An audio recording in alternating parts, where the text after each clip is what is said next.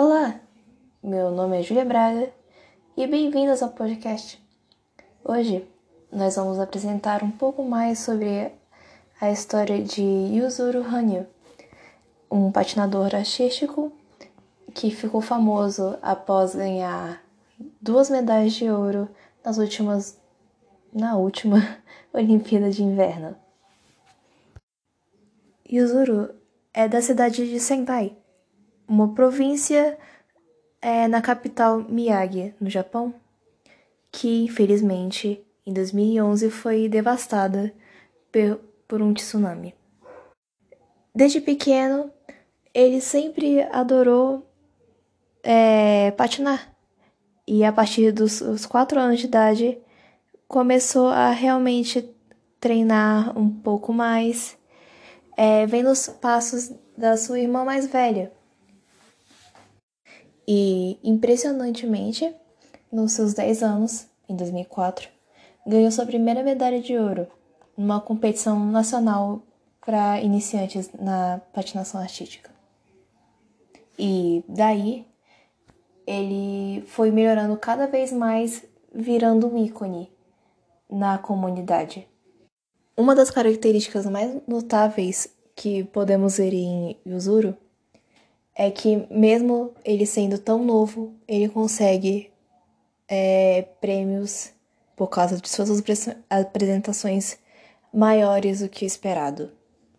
E maiores até, brincadeiras à parte, que sua altura.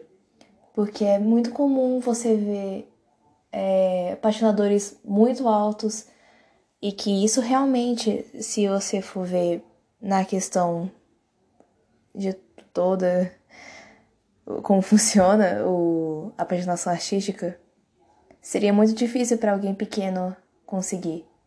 E o Zuru, mesmo sendo bem pequeno, consegue. E por isso também no Japão ele é conhecido como o Kao, o patinador kawaii, por causa da sua baixa estatura.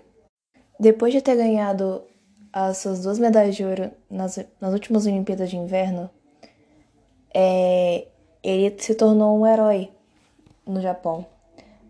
Sendo que, se você for ver, o prêmio da medalha de ouro não foi alcançado pelo Japão no, nas, nos esportes de inverno desde 66 anos.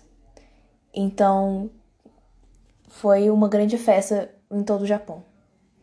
E por isso também é, várias várias coisas foram feitas é, como um presente disso, sendo até um personagem chamado Yuri Katsuki no anime Yuri on Ice, que é todo baseado em patinação artística.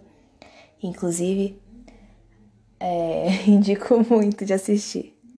Inclusive, é, como presente, eu vou deixar junto com o arquivo deste podcast, uma das apresentações do Yuzuru, sendo essa uma das que trouxe a medalha de ouro nas Olimpíadas de Inverno de Pyeongchang em 2018.